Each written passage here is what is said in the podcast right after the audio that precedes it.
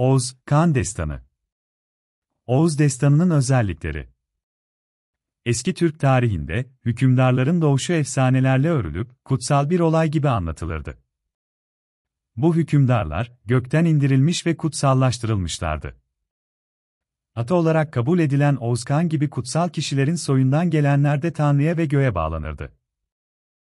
Eski Türk inancına göre, her şeyi yaratan ve her varlığın sahibi olan tek kutsal şey, gökteki biricik Tanrı'ydı. Ancak gök, kendisi de maddi bir varlık olup, Yüce Tanrı tarafından yaratılmıştı ve dünyanın bir parçasıydı. Gökyüzü, bir kubbe şeklinde dünyayı örtüyordu ve tek bir gök vardı. Ancak bu göklerin üstünde daha birçok gökler vardı ve burada ay, güneş, yıldızlar ve burçlar yer alıyordu. Bunların hepsinin üzerinde ise yaratıcı, büyük ve tek tanrı oturuyordu. Eski Türkler gök katlarını üst üste koyma yöntemiyle saymıyorlardı, ancak daha sonraları, bazı dış etkiler nedeniyle gökleri 7 veya 9 kat olarak tarif etmeye başladılar. Oğuzkan destanına Uygur çağından sonra hafif diş tesirler girmeye başladı. Göktürk çağında Türklerin eski dini ve inançları bozulmadan devam ediyor ve gelişiyordu. Ancak Uygur devleti kurulduktan sonra yeni dinler Türkler arasına girmeye başladı ve durum biraz değişti. Uygurlar, daha önce Çin'in ortalarında gezinmişler, ticaret yapmışlar ve birçok insanlarla karşılaşmışlardı. Bu dış ilişkiler Uygurlara birçok yeni görüş getirmiş ve büyük dinlere inanma ihtiyacını doğurmuştu. Ticaret, eski Türk savaşçılarının diniyle pek bağdaşan bir meslek değildi. Eski Türk dini, disiplin, otorite ve savaşçılığı her şeyden üstün tutuyordu. Ancak tüccarlar daha geniş ve rahat bir hayata sahip olmak zorundaydılar. Bu sebeple Türkler, göğe ve gökten gelen kutsallıklara inanırken, Uygur çağında durum değişiyordu. Uygurlar köklerini Suriye'den alan ve İran'da gelişen mani dinini aldıktan sonra, Ay'a daha çok önem vermeye başladılar. Aslında Türkler için kutsal olan en önemli şey, gökten sonra dünyamızı ısıtan güneşti. Uygurların güneşten aya geçmeleri yeni bir düşüncenin başlangıcı olarak sayılabilirdi. Bu sebeple, Uygurlar çağında yazılmış Oğuzkan destanlarında, eski Türklerin dedikleri gibi kutsal kişiler artık, göğün oğlu, değil, ayın oğulları oluyorlardı. Oğuzkan da Ay Tanrı'nın bir oğluydu. Destan daha başlangıçta şöyle başlıyordu. Aydın oldu gözleri, renklendi isik doldu. Ayokan'ın o gündü, bir erkek oğlu oldu. Eski Türkler, iyi ve güzel olayları aydınlık ve ışıklı anlatırlardı. Yeni bir oğlu olan dostumuza, gözlerin aydın olsun, dediğimiz gibi, onlar da Oğuz Kağan'ın doğusuyla ilgili olarak, Ay Kağan'ın gözleri aydın oldu, renklendi derlerdi. Müslüman olmuş Oğuz Türklerinin destanları da, Türk mitolojisinin en eski motifleriyle doluydular. Ancak Türkler, çoktan Müslüman olmuş ve İslamiyet'in ana prensiplerine gönülden bağlanmışlardı. Aslında İslamiyet ile eski Türk dini arasında büyük ayrılıklar da yoktu. Bununla birlikte, eski Oğuz Kağan destanları, elbette İslamiyet'in birçok inancı ile uyumlu olamazdı. Bu nedenle, İslamiyet'ten sonra yazılan Oğuz Kağan destanlarında biraz daha değişiklik yapılmış. İslamiyet'i kabul eden Türkler, Uygurlara nazaran eski Türk ananelerini ve töresini daha çok korumuşlardı. Biz tabii ki Oğuz Türkleri üzerine daha büyük bir önem veriyoruz. Çünkü Oğuzlar, bütün Orta Asya ve Türk aleminin en soylu ve en gelişmiş zümreleriydiler.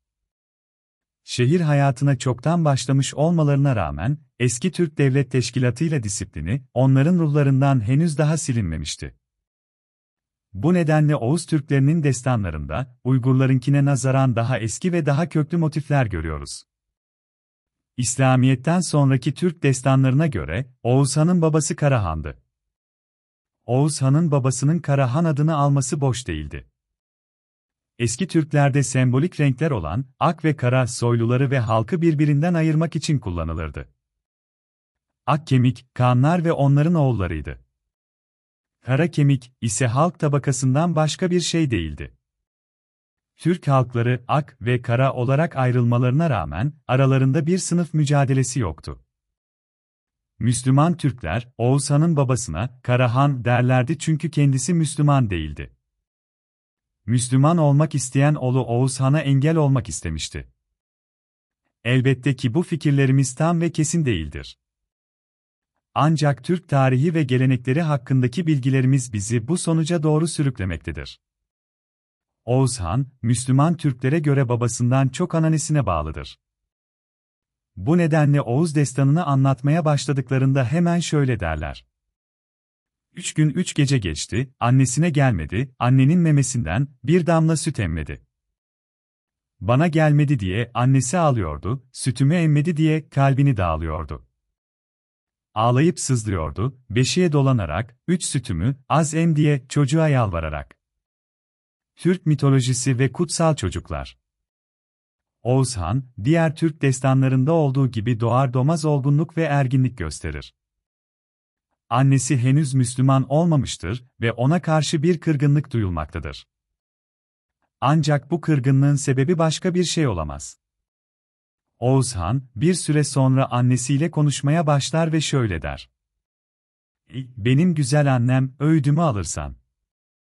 Yüce Tanrı'ya tapıp, er hakkı tanırsan. Ey zaman memen alır, ak sütünü emerim. Bana layık olursan, adına anne derim. Oğuz Kağan'ın annesi, henüz üç günlük beşinde yatan çocuğunun konuşmaya başladığını görünce, ona kalpten bağlanır ve Tanrı'ya inandığını oğluna söyler. Müslüman Türklerin bahsettiği Tanrı, İslamiyet'in Allah'ından başka bir şey değildi. Ancak destanlar zaman zaman, gök tanrısı, ından da bahseder ve eski Türklerin gerçek inançlarını açıklamaktan çekinmediği bilinir. Eski Türklerde 3 sayısı ve 3 yaşında olmak önemliydi. Ancak Türk mitolojisinin en önemli sayıları 7 ve 9'dur. Müslüman Türklerin Oğuz destanlarında, Oğuzkan üç gün içinde olgunlaşmıştı, denirken, eski Altay destanlarında, çocuğun olgunlaşması için yedi günün geçmesi gerekiyordu, denilmekteydi. Hatta çok güzel bir Altay efsanesi de şöyledir. Altay'da olmuştu, bir çocuk doğmuştu, dünyaya gelirken, nurlara boğmuştu. Yedi kurtlar uçmuşlar, koku alıp koşmuşlar, çocuğu verin demişler, uluyarak koşmuşlar.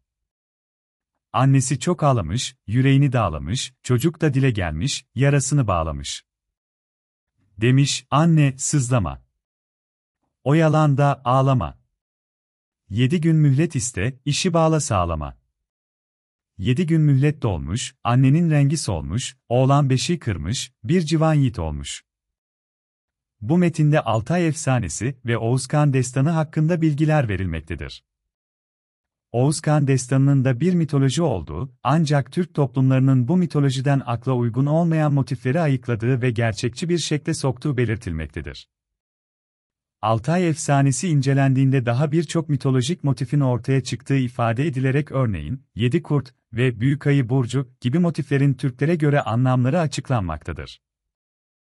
Metinde ayrıca Oğuzkan destanının uydurulmuş bir hikaye olmadığı, köklerinin yüzyıllar önce inanılmış ve söylenmiş Türk efsanelerine dayandığı ifade edilmektedir. Bu efsanelerin zamanla süzülerek gerçeğe uygun hale getirildiği ve Oğuzkan destanının da bu şekilde oluştuğu belirtilmektedir. Oğuz, Kağan'ın doğuşu Oğuzkan, kutsal bir şekilde doğmuştu.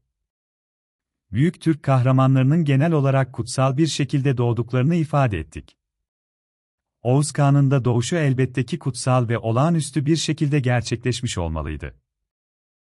Bu nedenle Uygurların Oğuz Kağan destanında, onun doğuşu şöyle anlatılır. Gökyüzü mavisi gibiydi, bu genç adamın cildi.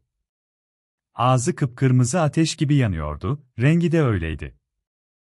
Gözleri kıpkırmızıydı, saçları koyu siyahtı, perilerden bile daha güzeldi ve kasları çok kara. Oğuz Kağan'ın doğduğu zaman benzinin rengi gök mavisi gibiydi. Eski Türklerde yüz, insanın en önemli bir yeri olarak kabul edilirdi. İnsanın yüzüne yansıyan özellikler utanç, kötülük ve hatta kutsallık bile olabilirdi. Kötü insanların yüzü kara iken iyilerin yüzleri ise daha açık renkliydi. Ancak kutsal insanların yüz rengi, gök mavisi gibi olurdu. Çünkü gök, Tanrı'nın oturduğu ve hatta bazen Tanrı'nın kendisinden başka bir şey değildi.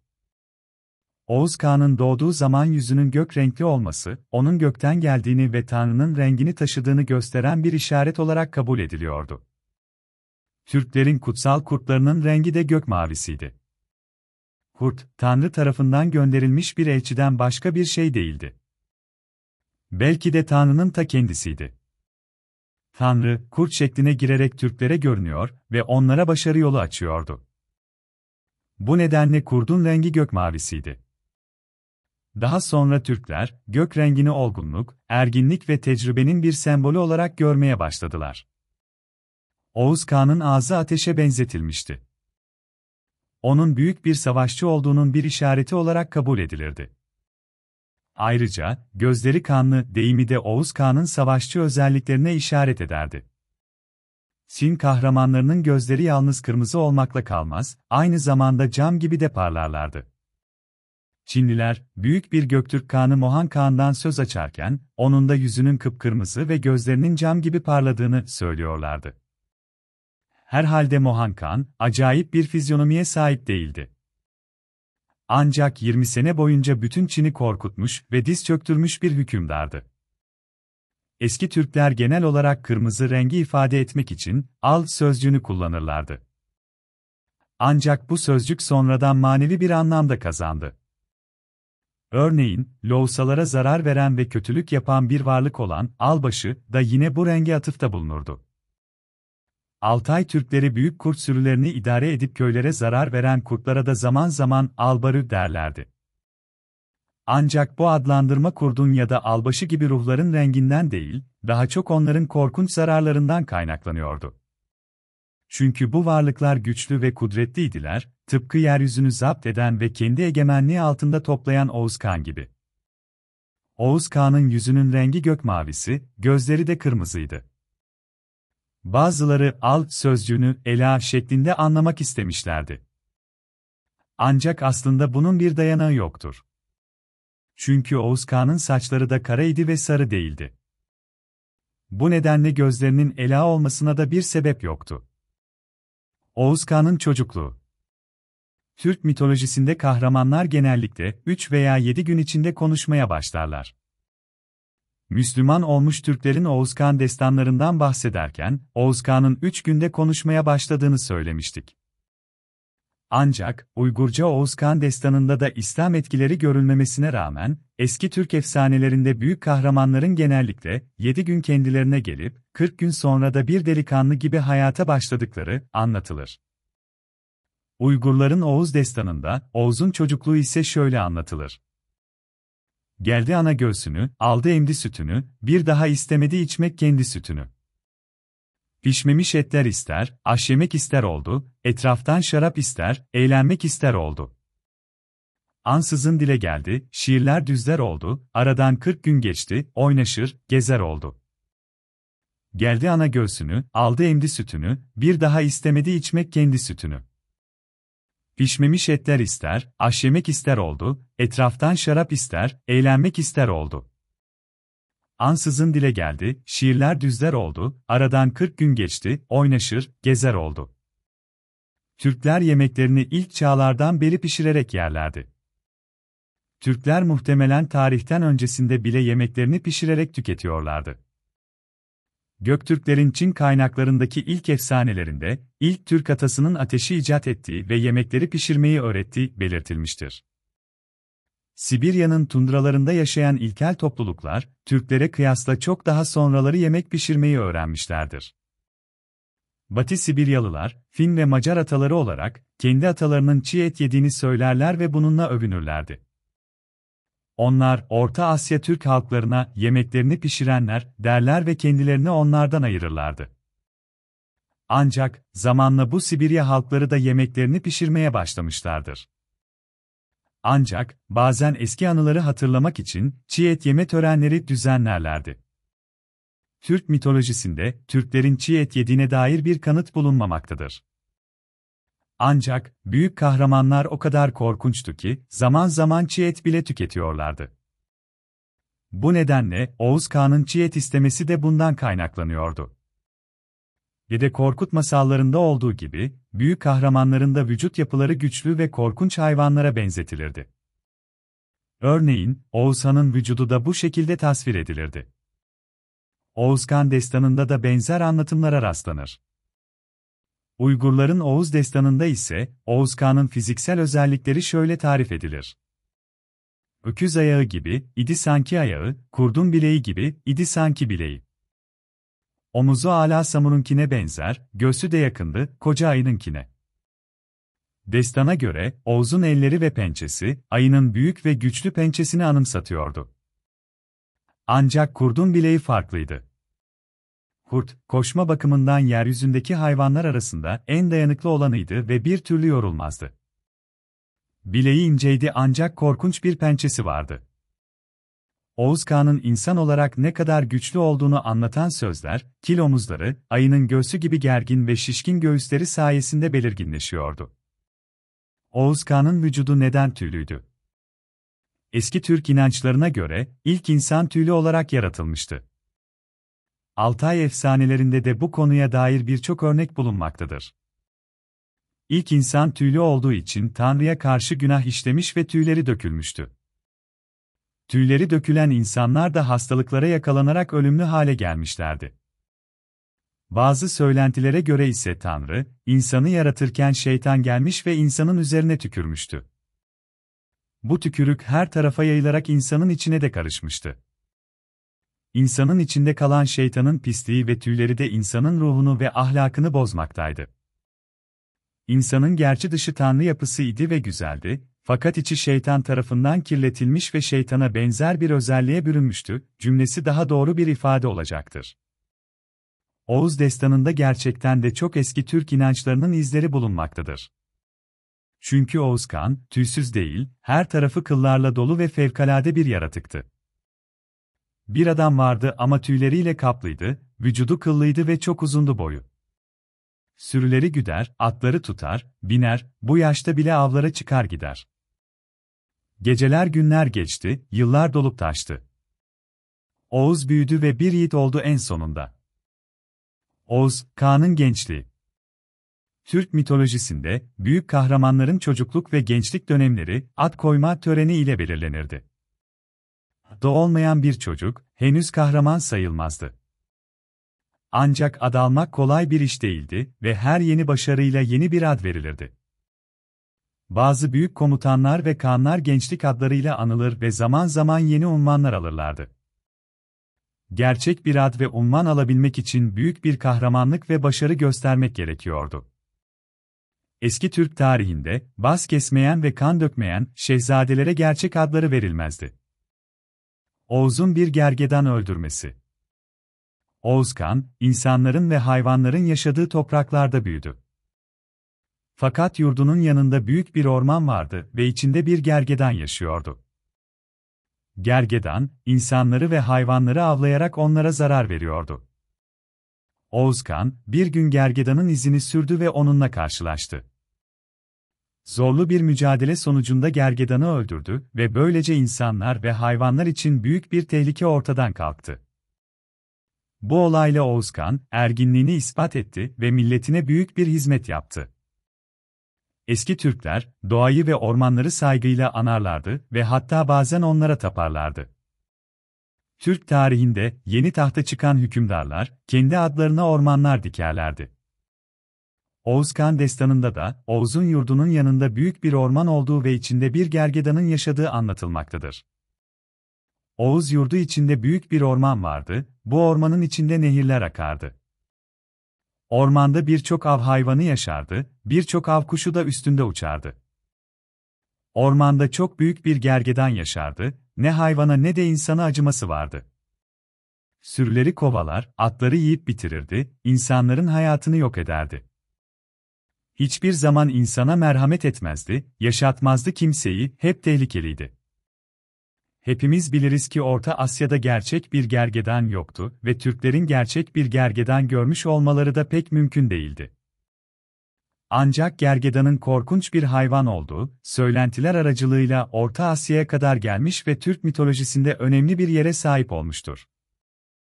Gergedanın yaşadığı bölgeler daha çok Çin'e yakın olan bölgelerdir. Ancak Çinliler de gerçek gergedanın tam şeklini bilmiyorlardı. Çinlilere göre, gergedan, burnunun ucunda sivri boynuzu olan bir geyikten başka bir şey değildi. Ama gergedan Çin'de büyük bir öneme sahipti çünkü Çin imparatorları ve büyük komutanlar zırhlarını gergedan derisinden yaparlardı. Bu nedenle gergedanın derisini ve dolayısıyla bu hayvanın büyüklüğünü tasvir etmek konusunda uzmanlardı. Gergedan motifinin Türk mitolojisinde Çin etkilerinin yanı sıra Batı Türkistan ve Hindistan yoluyla da oluşmuş olabileceği düşünülüyor.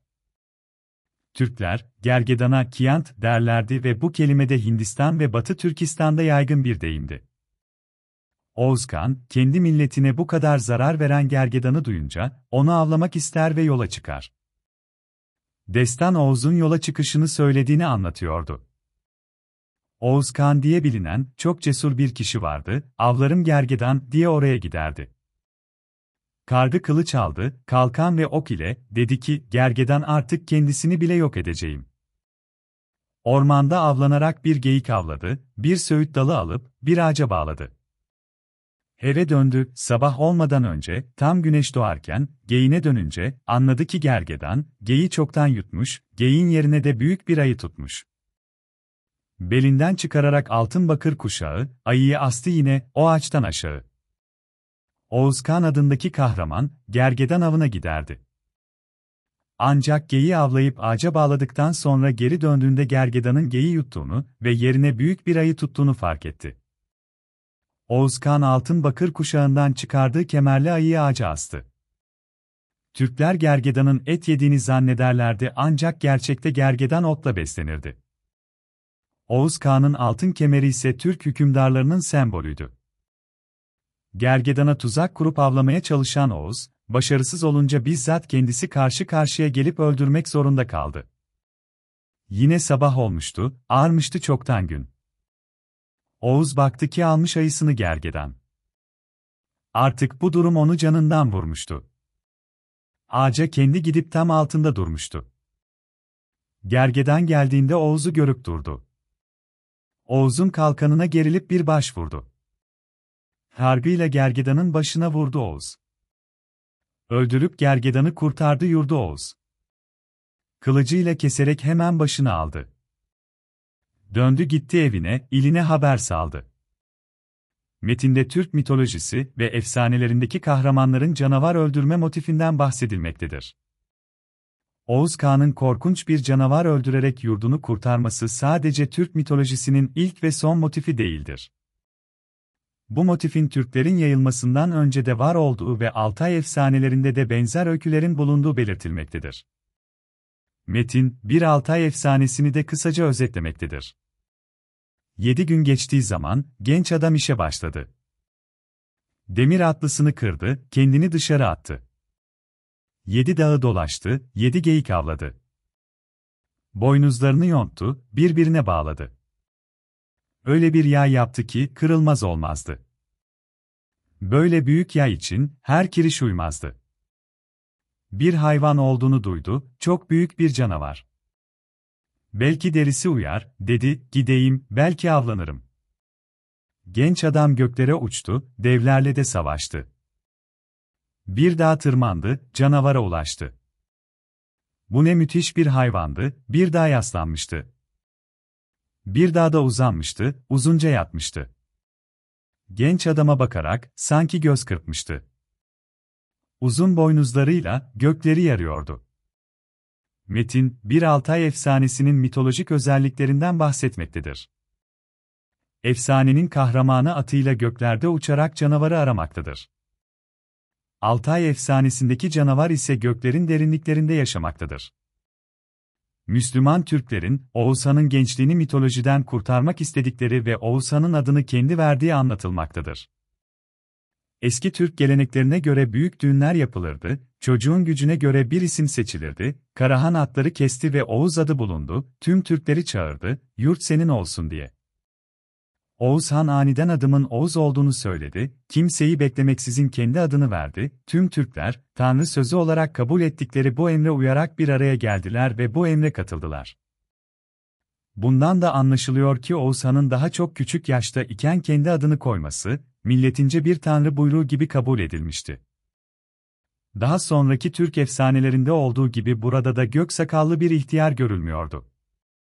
Oğuz Han, Tanrı'nın gönderdiği gök sakallı elçilerin yerine bizzat geçmiş ve kendi adını kendisi vermişti. Daha sonraki Oğuz destanının parçaları sayılan Dede Korkut hikayelerinde çocukların adları genellikle Dede Korkut tarafından verilirdi.